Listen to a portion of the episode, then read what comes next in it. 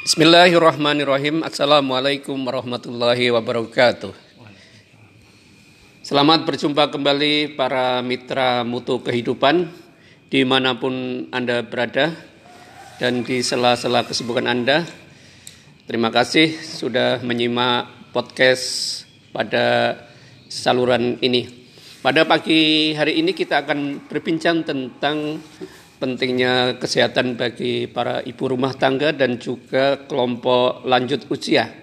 Hadir pada kesempatan kali ini Bapak Joko Supriyanto MPD selaku eh, praktisi sekaligus akademisi bidang keolahragaan. Selamat pagi. Assalamualaikum Pak Joko. Selamat pagi, Pak Supriyanto. Oh, ya. Terima kasih sudah berkenan hadir pada eh, podcast Mutu Kehidupan pagi ini. Eh, sehat-sehat dan segar. Uh, Pak Joko, akhir-akhir ini banyak sejalan dengan keluhan masyarakat karena terdampak oleh pandemi di mana harus banyak kegiatan di rumah ya. Beberapa gejala gejala-gejala kurang gerak ini mulai tampak Pak Joko. Uh, sebenarnya uh, jenis olahraga apa yang penting bagi kelompok ibu rumah tangga dan juga kelompok lansia ya. Dan Bagaimana itu harus dilakukan, berapa sering, dan jenis olahraga apa yang sesuai sebenarnya untuk kelompok ini. Gitu. Mungkin dari situ dulu Pak Joko. Baik Pak Karyanto, Assalamualaikum warahmatullahi wabarakatuh. Pak Waalaikumsalam. Uh, berbicara masalah olahraga itu sekarang kita harus kembali ke esensi olahraga itu sendiri-sendiri ya esensi olahraga itu sendiri sekarang olahraga itu sudah menjadi satu gaya hidup. Oh. Ya, jadi sudah lifestyle. Lifestyle. Ya. Lifestyle. Lifestyle. Ya. Nah, jadi gaya hidup. Artinya kalau kita berbicara masalah teori, teori kebutuhan, ya, hmm. ya, teori kebutuhan Maslow itu kan ada uh. berapa itu? Ada enam tingkatan. Enam tingkatan. Salah satunya tingkatan-tingkatan itu eksistensi diri. Aktualisasi diri. Aktualisasi diri dan di aktualisasi diri itu sekarang sudah menjadi gaya hidup. Hmm. nah uh, dengan gaya hidup sini itu bukan berarti kita uh, olahraga hanya sebagai sarana untuk kesehatan saja. Hmm. jadi kesehatan saja. Walaupun sebetulnya awalnya untuk awalnya kesehatan. untuk kesehatan. Tetapi kadang sekarang orang memaknai juga untuk ya gaya. Jadi jadi uh, ada ada unsur fashionnya gitu pak ya? Ada unsur fashionnya dan juga ada bukan hanya melulu olahraga lah. Ini sekarang yang harus kita kembalikan. Kembalikan ke fungsi olahraga yang sebenarnya. sebenarnya. Oh. jadi di tubuh kita kan ada sistem motorik ada sistem apa banyak sistem lah salah satunya adalah sistem motorik ini lah motorik hmm. ini harus digerakkan dengan kita beraktivitas olahraga hmm. kembali ke pertanyaan tadi di usia yang sudah lanjut ya di usia yang sudah lanjut apa olahraga yang bisa memenuhi kebutuhan dari tubuh kita memang harus ada ukuran-ukurannya jadi hmm. ukuran-ukuran dari uh, kebutuhan olahraga kita atau tubuh kita itu. Karena kita, selama ini ada gejala orang memaksakan diri sudah usia lanjut hmm. tapi masih mengambil pilihan olahraga yang berat-berat dan berisiko ya, gitu kan. Ya betul. Ya. Jadi memang uh, usia itu harus juga mensinergikan dengan jenis olahraganya. Hmm. Jadi misalnya anak kecil itu ya kita banyak gerak gerak lincah begitu usia nanti remaja, usia dewasa, usia lansia dan usia manula hmm. itu porsinya harus beda ya beda hmm. ya porsinya harus beda porsi beda sekaligus jenisnya beda nanti ya jenisnya beda oke okay.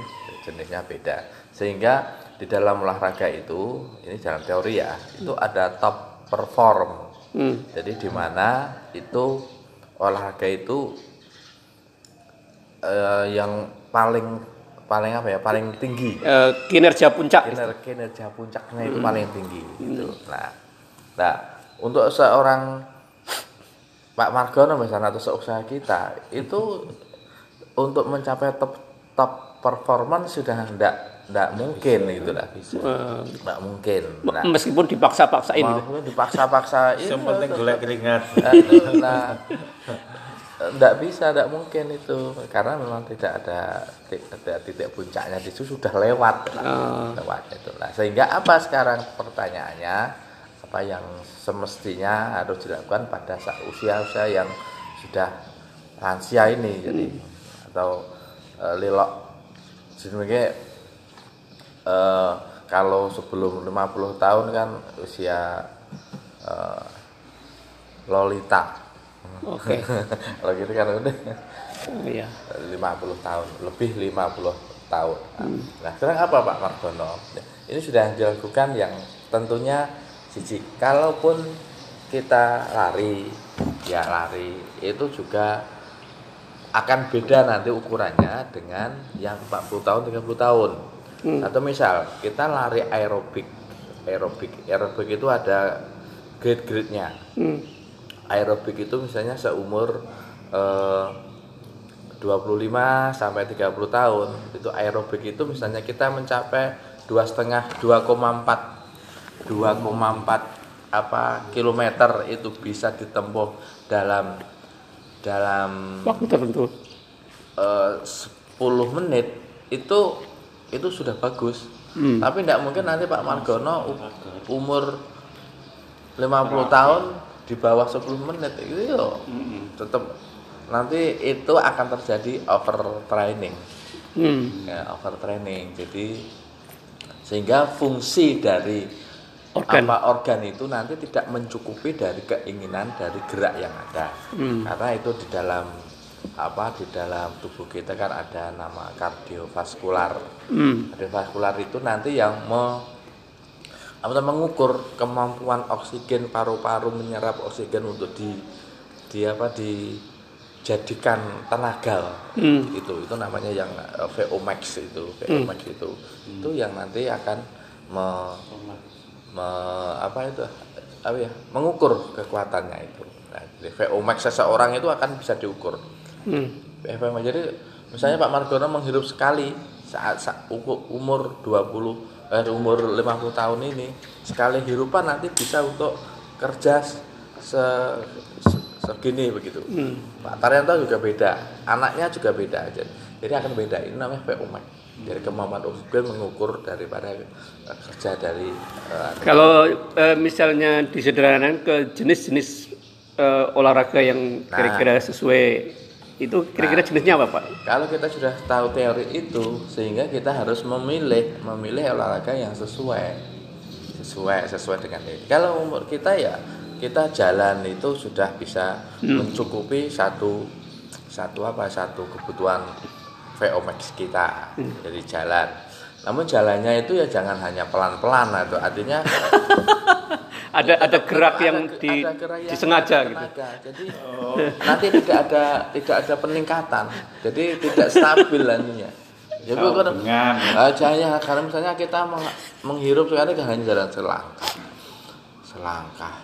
Selangkah dia. Jadi tetap, tetap, tetap ada konsistensi konstan. Ada konstan. Jadi satu satu gerakan atau mungkin satu hirupan itu mungkin bisa lima langkah.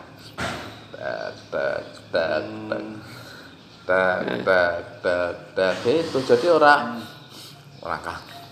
Nah itu nah, it- itu itu akan akan akan memperbaiki kerja kerja jantung kita. Jadi jadi begini. Jadi kalau ketika kita olahraga terus nanti eh, itu eh, kerjanya itu stabil. Jantung itu akan terus tetap tetap tetap, tetap itu Nah, itu. Eh, Jadi artinya pilihan olahraga yang tepat itu akan membantu jantung mengkondisikan Iya, mengkondisikan itu. jadi mengkondisikan gerak jantungnya itu tidak kadang cepat kadang lambat kadang t- mendadak itu kan seperti itu. Jadi Oke, oke. Jadi artinya beberapa jenis aerobik masih menjadi pilihan yang Iya, yang cocok iya, untuk betul. kelompok manula. Iya, manula. Kalau dari segi eh, waktu dalam sehari kira-kira berapa Pak Nah, yang ini. paling tidak eh, dalam satu hari itu itu kita ada ukurannya. Ya. Ukuran itu tergantung dari jenis olahraganya. Hmm.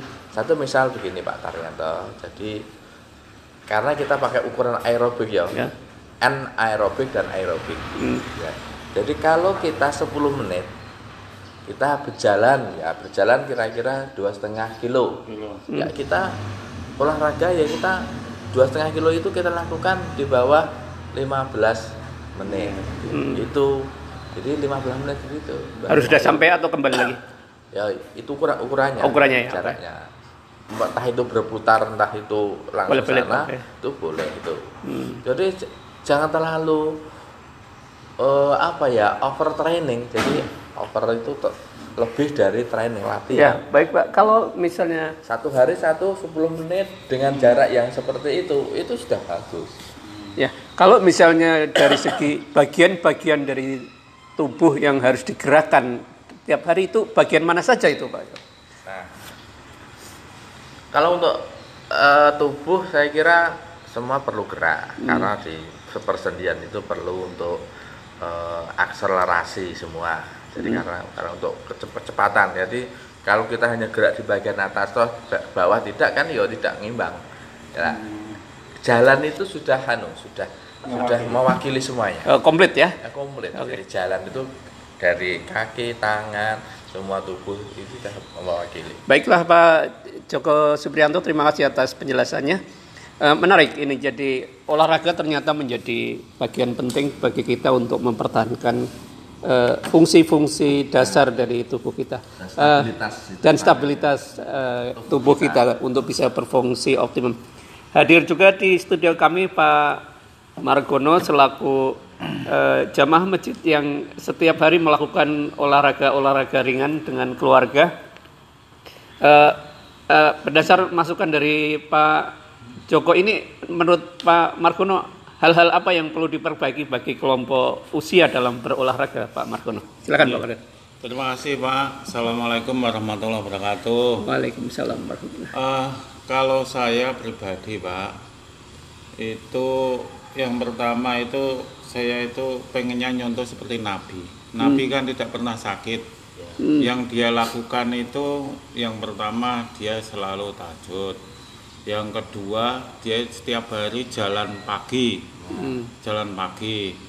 Kemudian yang ketiga eh, dia tidurnya tidak terlalu malam ya itu ya. Nah itu Supaya bisa bangun pagi ya. supaya bangun pagi. Alhamdulillah saya itu kalau saya itu seusia saya saya itu sesuai apa yang disampaikan Pak Joko saya itu ya berusaha hanya jalan pagi hanya saja tidak tahu teorinya. Teorinya hanya mungkin hanya saubengan ubengan nah yang kedua itu saya itu pingpong tenis meja. Itu kan hanya istilahnya ya yang penting metu keringete. Hmm. tidak gerakannya gimana anu gimana. Itu memang emang apa?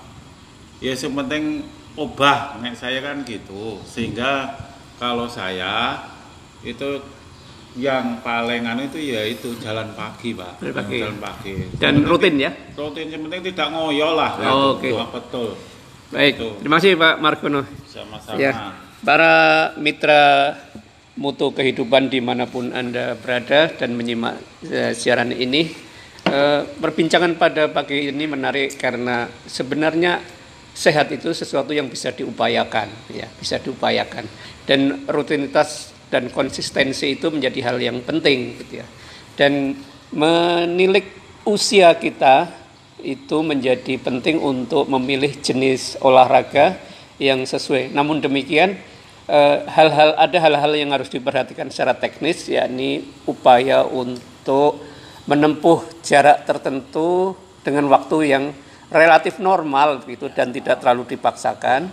Dengan demikian eh, kerja jantung akan menjadi eh, lebih terkendali dan lebih sehat stabil sehingga memungkinkan organ-organ lain akan bekerja dengan baik. Eh, terima kasih atas eh, kehadiran di studio Mutu Kehidupan ini. dan kita akhiri dengan bacaan hamdalah bersama. Alhamdulillahirobbilalamin. Assalamualaikum warahmatullahi wabarakatuh. Waalaikumsalam warahmatullahi wabarakatuh.